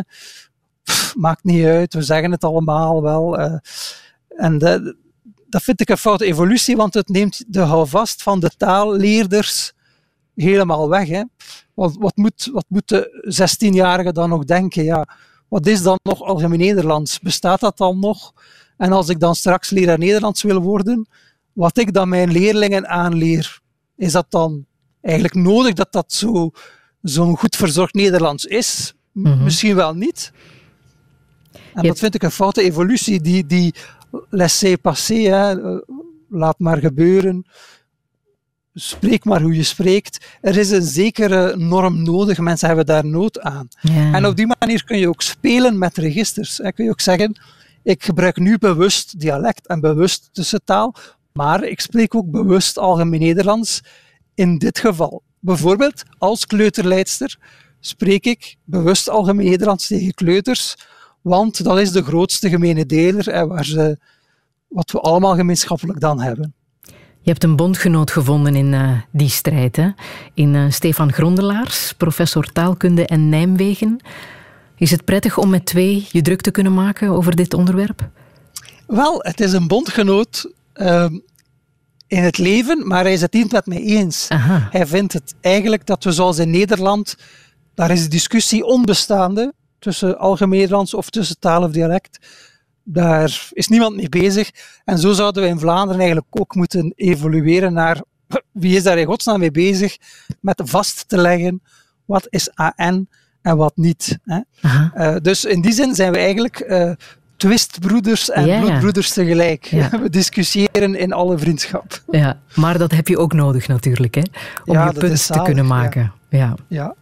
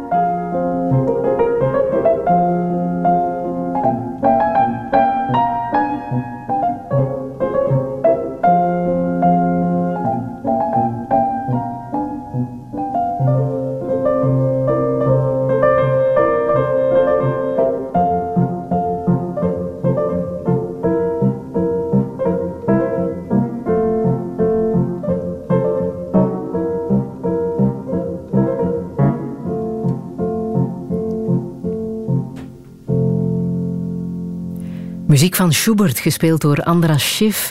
Stijn de Paap, het was moeilijk kiezen hè, tussen zoveel klassieke muziek die jou uh, aan het hart ligt.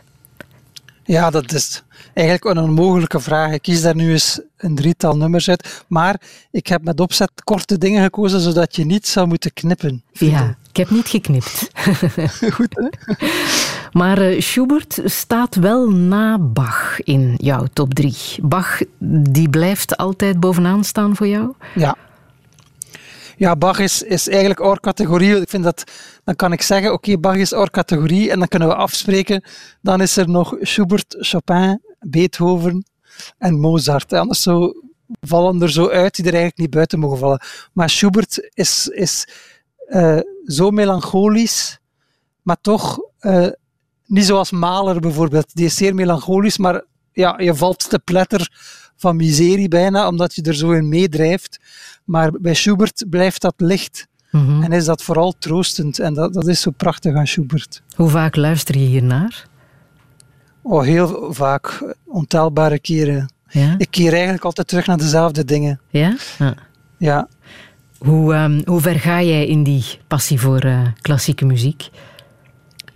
Ja, ik, ik, ik, um, ik ben zeer bezeten als ik daar, want ik, ik zou dat durven vergeten, maar toen ik naar Gent mocht, hè, je mag gaan studeren, ontdekte ik ook dan de FNAC bijvoorbeeld en de KAF, dat was een tweedehandszaak die uh, dus goedkopere cd's ook, ook met klassieke muziek verkocht. En ja, tussen de lessen door was ik daar dus eh, te vinden om mijn catalogus uit te breiden, want ik had natuurlijk nog bijna niks. En ik wou alles, alle, alle, alle cantates van Bach, alle sonates van Schubert, alles van Chopin. Ehm, en dus ging ik naar de FNAC. Toen hadden ze nog van die mooie glossy catalogie van, van de klassieke labels, zo Deutsche Grammophon en Philips. Nu hebben ze dat niet meer, alles is digitaal. Maar dan zat ik dus urenlang te kijken van oké, welke uitvoering wil ik van welk werk? En dan ging ik naar de bibliotheek van Gent.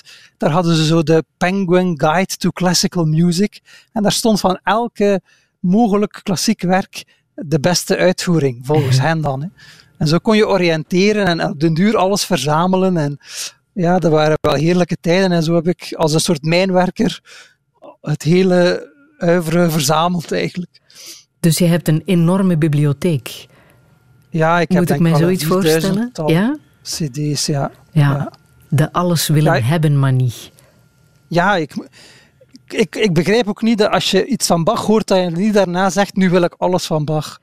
hetzelfde met, met Chopin, hetzelfde met Schubert, hetzelfde met Mozart. Dus mijn leven zou zeker niet compleet zijn als ik, als ik het niet allemaal minstens gehoord had. Dus vroeger leende ik ook wel gewoon cd's in de, in de discotheken. Maar ja, nu is er iTunes en, en Spotify. Nu, wat ik niet zelf heb, kan ik vlug beluisteren. En eh, ja, dat is het paradijs. Hè. Ik vind, van dingen die zo goed zijn, moet je alles gelezen hebben, moet je alles gehoord hebben.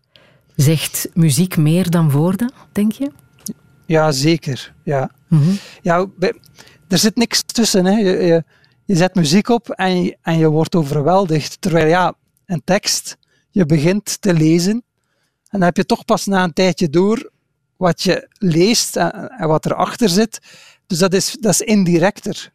Terwijl bij muziek, ja, de, de, de eerste minuten van, van een Mahler-symfonie en je bent, je bent verkocht. Mhm. Er moet niks anders gebeuren. Dus die, die directheid bij muziek is, is met niks te vergelijken.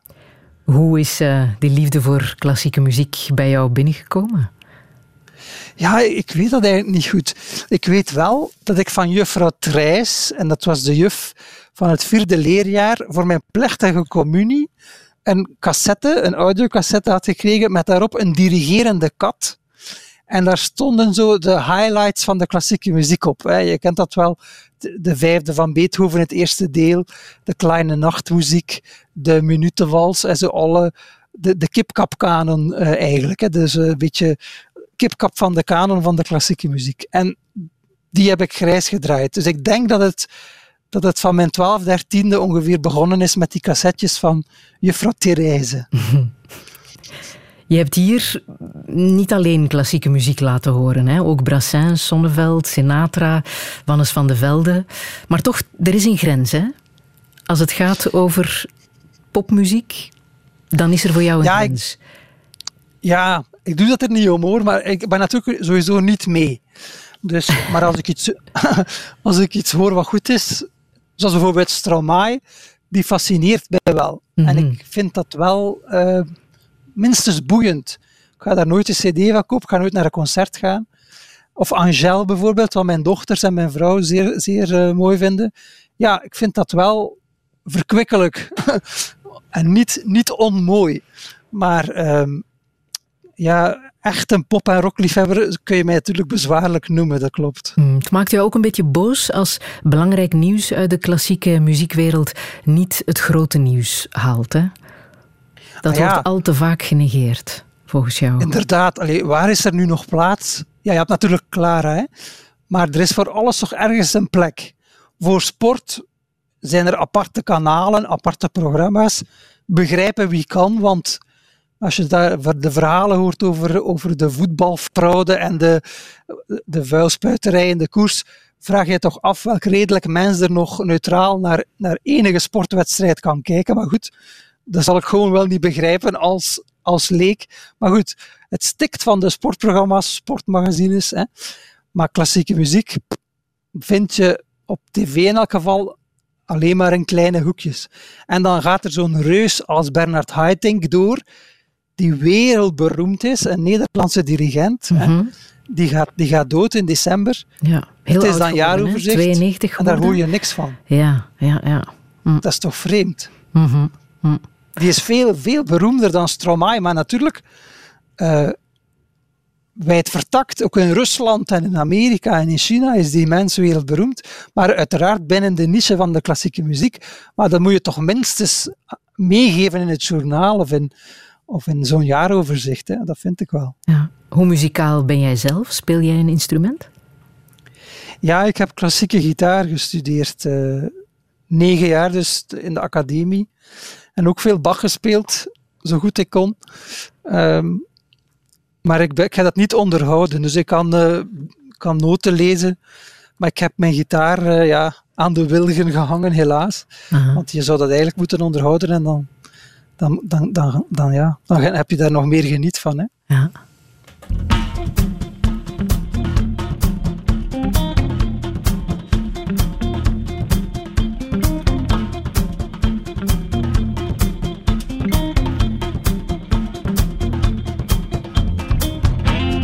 May twelve angels guard you while you sleep. Maybe that's a waste of angels, I don't. I'd do anything to keep you safe from the danger that surrounds us.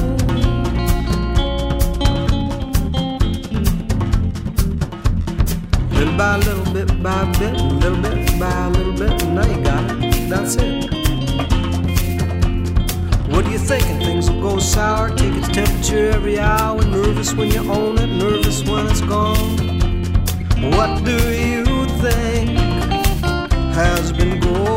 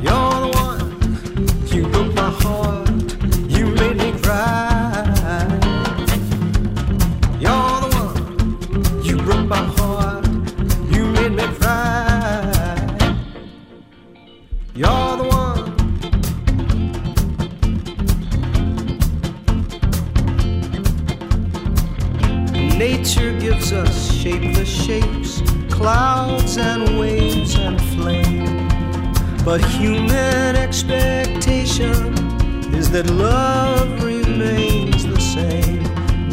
And when it doesn't, we point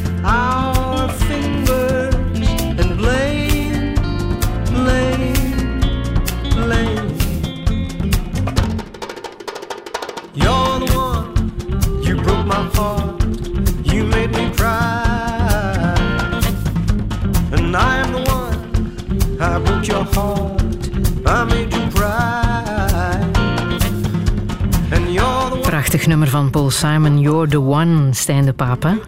Wat betekent dit nummer voor jou? Ah, wel, we hadden het daarnet over pop en rock. Ik weet eigenlijk niet goed wat Paul Simon is, maar voor hem maak ik een uitzondering. Want Mhm. van hem heb ik ook alles. En dat is eigenlijk vooral dankzij mijn vrouw, die, die al eh, voor mij enorm fan was van Paul Simon. En die mij ook meenam al drie keer eh, naar Paul Simon live. En ik vind zijn manier waarop hij echt buitengewone teksten, want die zijn, die zijn zeer spitsvondig, die zijn eigenlijk met niks te vergelijken. Hoe hij die op muziek verweeft, vind ik zeer uniek. Ja. Eh, en het is ook altijd zeer poëtisch, niet voorspelbaar zijn teksten. En hoe hij daar hoe- op zijn unieke Paul Simon-achtige wijze muziek van maakt, is, is, vind ik wel prachtig. Echt heel mooi. Hoe oud was jij toen je je vrouw leerde kennen? Ik was 15. Ah, toen ik ze leerde kennen was ik 12. Oeh. Maar we zaten samen in, in, de, in, de eerste, in het eerste middelbaar, samen in de klas. Ehm, vanaf toen tot het einde van het middelbaar. En eh, toen ik 15 was en zij ook, of zij was misschien al 16, eh, zijn we samen eh, begonnen. En waarom is zij het geworden, denk je? Ja, dat is natuurlijk onverklaarbaar. Hè? Waarom gebeurt er iets wat niet meer stopt? Dat is. eh, ik was er al snel verliefd op, eh, op haar, op Wendy heet ze. Ehm, ik had ze al snel gezien. Eh, dan ben ik ze een beetje beginnen plagen. Zoals dat zo, soms wel voorvalt bij mensen die eigenlijk wel leuk vindt dat je ze een beetje plaagt, in plaats van dat je het omgekeerde doet. En dan, ja, zijn we naar elkaar toegegroeid op een heel speelse wijze, denk ik, voor zover ik dat nog weet. En op een gegeven moment waren we een koppel en dat is eigenlijk nooit echt opgehouden. We zijn eventjes uit elkaar geweest, klein jaartje. Maar van mijn vijftiende is dat eigenlijk nooit echt opgehouden. Mhm. Daar zijn twee dochters van gekomen, hè? Ja, Ja. Op welke manier heeft dat jouw leven veranderd? ja dat, dat is on, on, eh, onvergelijkbaar, hè, zoals dat jouw leven verandert, kinderen krijgen. Het ging ook niet vanzelf. We, we, waren dus al heel lang samen, zoals je kunt besluiten. En dan na een tijdje denk je dan, ja, willen we nu eigenlijk geen kinderen? Ja, dat wouden we na een tijdje toch eigenlijk wel. Maar dat, dat ging niet zomaar. Eh, we hebben er eigenlijk vijf jaar op gewacht en ook alles eh, geprobeerd via, via het UZ Gent, nog, nog onder leiding van Petra de Sutter in der tijd, die nu eh, fulltime eh, minister is, maar toen gewoon het hoofd was van fertiliteit in Gent. En ja, het, het ging niet. Het kwam niet. Het gebeurde niet. En op een gegeven moment zei Petra de Sutter, ja, ik geloof dat we einde verhaal zijn. We, jullie raken niet zwanger. Eh, we, we zien niet hoe het komt, maar het gebeurt niet. En goed, ja, wij, wij vonden dat wel jammer, maar we zaten er niet, we waren niet helemaal de put in en helemaal depressief. We, we konden het, dat wel vatten. Dus we zeiden oké, dan is het zo.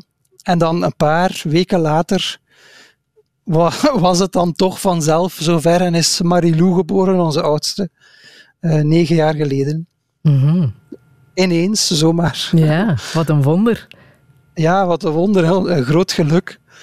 Eh, en ietsje later, eh, dus een, kleine twee jaar later, is dan Rosalie geboren, ook ongepland. Dat heeft ze mijn bureau afgepakt, want ik, eh, we hadden een mooie kinderkamer voor Marilou, maar nog niks voor een tweede, want ja, als het zo moeilijk was voor een eerste, dachten we, dat tweede, ja, dat zal dan wel niet komen, maar dat was er dan ook ineens.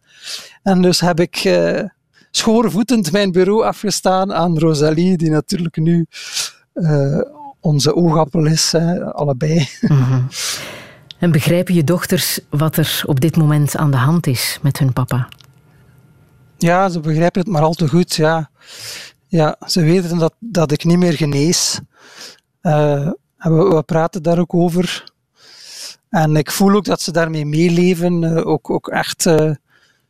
Ja, je, je ziet dat dat leeft hè, aan hun oogjes, aan, aan, aan, Mhm. aan eh, hun blik.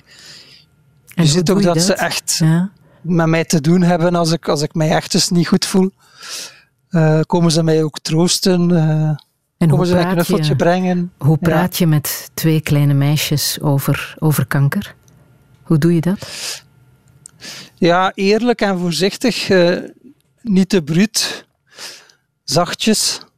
Ook vooral als, als, je, als je ziet dat ze er zelf mee bezig zijn, het onderwerp niet ontlopen. En niet te cruwe bewoordingen en, en niet, te, niet te letterlijk, maar wel eerlijk. Dat het, ja, dat het niet geneest, dus dat, het, dat iedereen er wel alles probeert aan te doen, maar, maar dat het nu eenmaal een ziekte is die niet weg wil. Mhm. Hoe hou jij op dit moment de pijn onder controle? Met veel uh, morfinepleisters en morfinepillen. Um, ja, en, en stilzitten. Hè, want het is eigenlijk goed als ik onbeweeglijk ben. Dan voel ik het minst. Maar zodra ik zo wat rechtop op een stoel zit of, of uh, moet rondlopen of zo, is, is dat pijnlijk. En nu kan ik mij nog behelpen met, met morfinepleisters. Dat gaat nog tot 200 en ik zit op 100 in de 30. En daarna wordt er aan pijnpompen gedacht en zo. Maar dat is, dat is iets voor volgende week, want volgende week is een beetje een spannende week. Ik heb morgen een uh, scan en dat is toch al lang geleden. Al van in november geleden. Um, en woensdag wordt die dan besproken, dus dan weet ik hoe ver het staat. En ik voel dat het verergerd is, dus ik heb er niet zoveel hoop op. Maar... -hmm. Wat als alleen de pijn overblijft, wat, wat doe je dan? Oh, als het echt alleen maar pijn is, dan, uh, ja, dan ga ik vragen om, het, om er een einde aan te maken, sowieso. Dat heeft geen nut hè, om, om, om, om wakker te worden en pijn te voelen, en dat is het. Ik kan ermee leven dat ik pijn voel en dat die wat wordt gemilderd, en dat ik daarnaast nog mijn gezin heb en muziek heb en kan lezen en, en de wereld nog voel draaien. Maar als, als alles wegvalt en alleen pijn overblijft, ja, dat, dat heeft geen zin. Dan wil ik, dan wil ik zeer bewust uh, dat het stopt. Heb je die gedachte al aanvaard? Ja, sowieso. Ik denk er niet te intens aan, maar ik heb dat wel ferm besloten dat als dat moment komt, en ik vrees dat dat zal komen, dat er alleen nog pijn is, dan uh, wil ik uh, ja, dat, dat ze mij helpen. En men heeft mij verzekerd dat dat op een hele vlotte en pijnloze manier dan kan. En ik ben er eigenlijk dan gerust in ook. Ik aanvaard dat dat zo zal zijn. Mhm. Heb je jouw leven geleefd zoals je dat wou, Stijn? Ja, grosso modo wel ik, uh, ik, ik, heb het geluk geen avonturier te zijn. Hè. Dus ik, ik ben niet gefrustreerd dat ik nog niet in Mozambique geweest ben, bijvoorbeeld. Of dat ik, dat ik nog niet naar honderd landen geweest ben. Ik, ik, was dat al niet van plan. Ik heb het geluk om, om ook mijn geliefde zo vlug te leren kennen, al, waardoor ik dus al, bijna dertig jaar uh, ben bij, bij mijn allerliefste. Ik heb het geluk van twee bloeiende dochters te hebben, van een warme familie te hebben die klaar staat. Ik, uh, ik heb dat hokje in dat morgen waar ik enorm dankbaar voor ben. Uh, ik mag schrijven wat ik wil. Niemand bemoeit zich daarmee. Het moet alleen op tijd binnen zijn. Ja, eigenlijk heb ik daar echt wel. Mag ik van geluk spreken, moet ik zeggen. -hmm. Je vrouw en je dochters zijn het leven na jouw dood. In hoeverre ben je daarmee bezig? Nog niet te fel. Nog niet te fel. Nee. Nu, nu zijn wij met ons vieren vooral wat er nu is. En, en, en het is wat het is. Hè. Ik ben ooit eens naar een voorstelling geweest van Wouter de Pre. En daarin kwam de hele tijd een, een uh, zinsneetje voor van een van zijn familieleden. Ta wat dat ta. Het is wat het is in zijn, in zijn mooie dialect. En eigenlijk is dat wel een levensmotto. Het is wat het is. Hè. Uh, dus laten we het moment beleven en nog niet te veel vooruitblikken. En alleen maar in, in liefde achteruitblikken. Dat is eigenlijk mijn bedoeling. Mm. En als je toch iets zou kunnen zeggen tegen de dood, wat zou dat zijn? Ja, je had nog wel wat langer mogen wegblijven, zou mm. ik zeggen. Je bent te vroeg. Mm.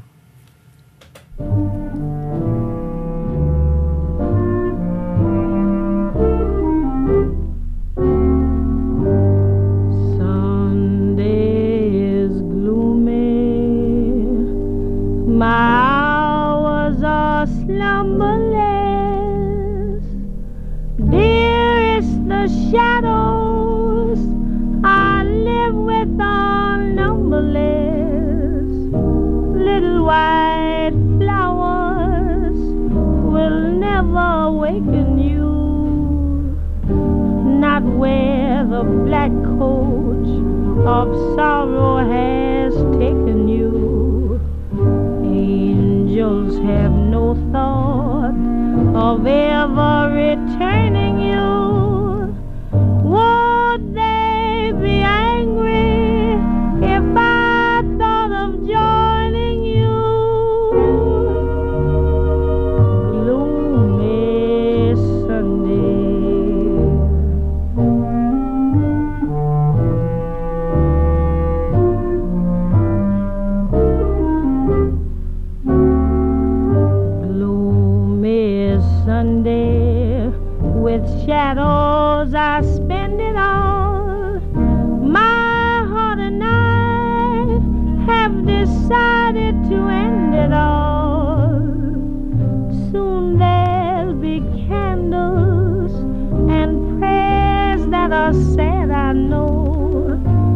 let them not weep let them know that I'm glad to go. Death is no dream, for in death I'm caressing you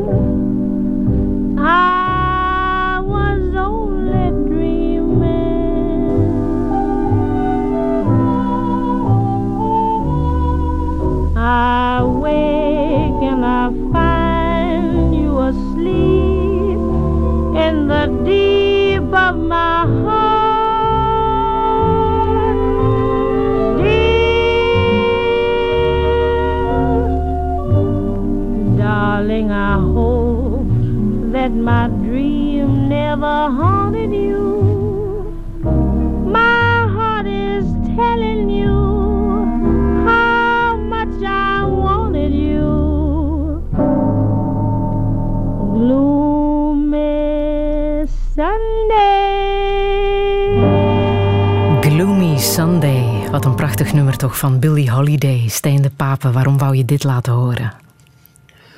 Ja, eh, wat ze zingt klopt op dit moment helemaal met hoe ik mij vaak voel. En ik vind Billie Holiday ja, een van de mooiste stemmen. Niet mooi in, in de zin van perfect, maar mooi in de zin van, van eh, ja, ontroerend. Zeer, zeer ontroerend. Breekbaar ook en daardoor zo mooi. Ja. Daarom. Ja. Stijn, ik stel altijd de vraag wat ehm, de gasten nog zouden willen in het leven. Wat zou jij echt nog willen in de tijd die je toegemeten is?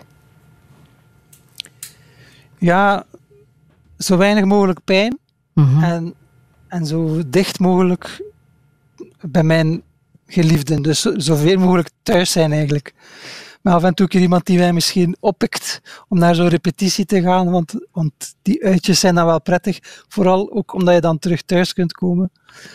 Maar, maar thuis zijn, eh, samen zijn, muziek luisteren als ik alleen ben, lezen. Eigenlijk is dat, moet dat deze tijd niet meer zijn. Ja. Nog even naar Saint-Remy de Provence. Dat hoeft niet meer. Ah.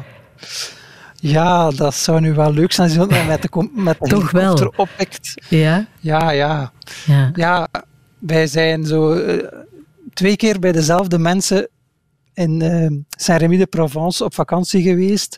Bij, bij eh, oud-leraars die met pensioen waren en die uit de stad verhuisd waren naar de Provence en die naast hun huis eh, in, de, in, in de Provence een klein huisje hadden, ingericht met een mini-keuken en een dubbel bed en zo, naast hun eigen zwembad. Eh, en daar, dat kon je dus huren. Dat was in hun tuin. En ik had dat gevonden, dat was heel goedkoop ook. Ehm, en dus daar naartoe gereden, eh, zonder dat we eigenlijk wisten, ja, waar zullen we terechtkomen? Het zag er zeer verzorgd uit, maar ook een beetje kneuterig zo. Ehm, maar Oh, dat waren twee schatten van mensen, uh, Annie en Daniel, die ons daar verwelkomden en, en uh, met, met alle warmte. En, en elke dag een keer kwamen piepen of alles goed was. En dan zochten zelf gauw een baantjes trokken in het zwembad. En dan voor de rest was dat zwembad voor ons. En ons tips kwamen geven van ga daar naartoe. Of een praatje kwamen slaan. En, en ja, dat was zo zalig dat we daar het jaar nadien naar teruggekeerd zijn. We denken ook dat onze dochter daar wellicht uh, verwekt is. Dat zou best kunnen. Onze oudste. Um, ja, Saint-Rémy de Provence, dat is onvergetelijk. Ja. Annie en Daniel, twee ex-leraars, zalige mensen. Het klinkt als geluk. Oh, het was puur geluk. En dan ja, het klimaat daar, dat stadje is heel mooi. Eh, Vincent van Gogh heeft daar verbleven. Je bent daar meteen ook in de, in de ruwe natuur. Het is een stadje, maar je bent meteen in de natuur. En het is ook dicht bij al die andere mooie plekken in de Provence ja, als ik nu ergens naartoe zou willen, is het eigenlijk wel daar onder zo'n mooie boom, onder zo'n cipres. Ja. Um, heb je al enig idee voor je dagvers voor morgen? Want dat blijf je voorlopig doen, hè?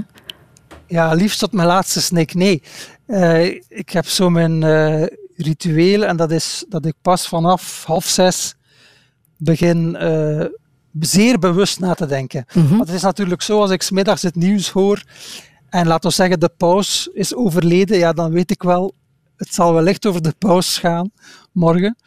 Maar dan luister ik nog niet te bewust, ik laat het binnenkomen en, en ik hoor wel. Maar dan zo vanaf half zes, zes uur luister ik bewuster. En dan vanaf zeven uur moet er dan wel een gedicht gaan komen.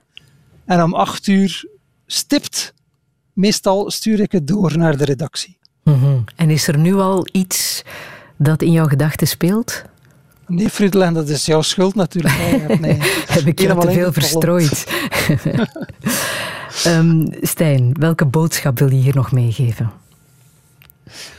Wel, ik zou zeggen, zoek het, en dan het met een hoofdletter, niet te ver. Het geluk bijvoorbeeld. Hè. Uh, het geluk zoeken, dat is natuurlijk bijna een, een contradictie in terminis, want als je het zoekt, ga je het waarschijnlijk niet vinden. Maar zoek het niet te ver mijn geluk, maar dat is natuurlijk niet voor iedereen zo, zit bij dingen die mij zeer nabij zijn, dingen die mij zeer vertrouwd zijn, dingen waarin ik mezelf terugvind, um, waar ik de weg weet, die brengen mij, en dat is eigenlijk altijd zo geweest, ik ben nogal een honkvast uh, iemand. Ik, ik, werk al twintig jaar eh, voor Artevelde, ik schrijf al zes jaar voor de morgen en van mij hoeft dat niet te veranderen. Dus honkvastheid brengt mij in elk geval veel geluk. Dus zoek het niet te ver, maar kijk waar het ligt. Mm -hmm. Zoals een beetje in het nummer Cheek to Cheek dat we nog laten horen. Oh ja, kan dat nog? Dat is prachtig. Hè? Ja. Ella Fitzgerald en Louis Armstrong. Dat is een gouden duo, dat is uh, onevenaarbaar. Ja. Tip voor iedereen, laat nu eens even alles vallen. Alle zorgen, alle strubbelingen. Pak je geliefde vast en dance. Ja, en cheek to en cheek. dance cheek to cheek, ja, zeker. We ja. nodigen bij deze iedereen uit.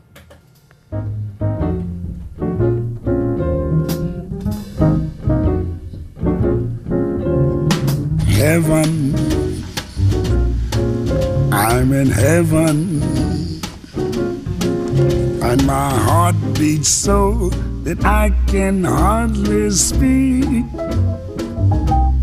And I seem to find the happiness I see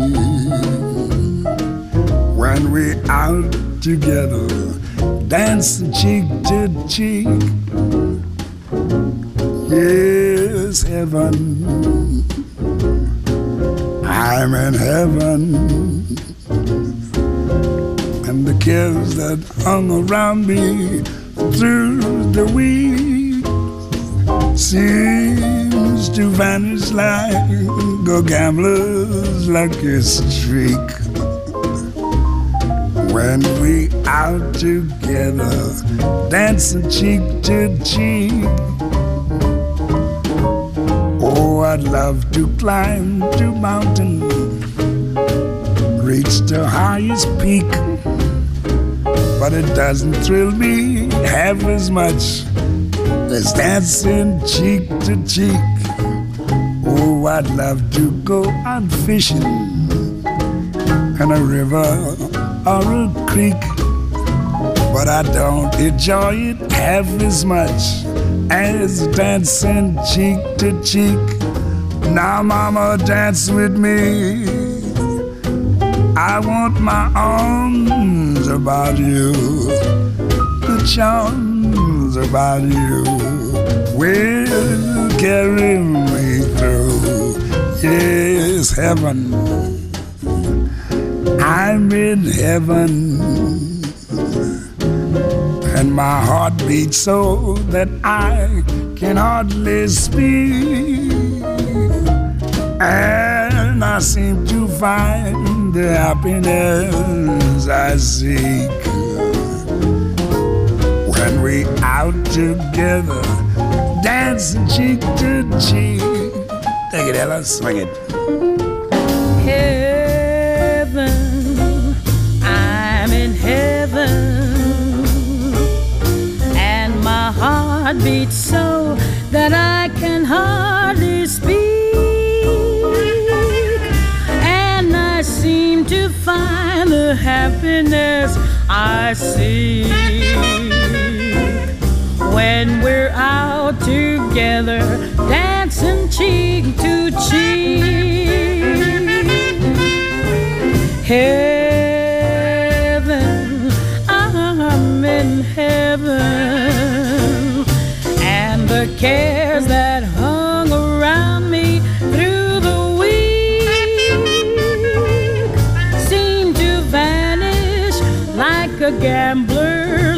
lucky streak when we're out together dancing cheek to cheek. Oh, I love to. Ella Fitzgerald en Louis Armstrong en Cheek to Cheek. Stijn de Papa, ik wil je ongelooflijk bedanken dat ik even cheek to cheek mocht zijn met jou op deze gloomy Sunday morning. En eh, we zullen jouw wijze boodschap ook eh, in gedachten houden. Hè. We zullen het niet te ver zoeken. Alle info over deze uitzending kan je terugvinden op radio1.be. Reageren kan via de app. En volgende zondag vertelt schrijver Rob van Essen wat hem raakt in het leven. Geniet nog van deze zondag.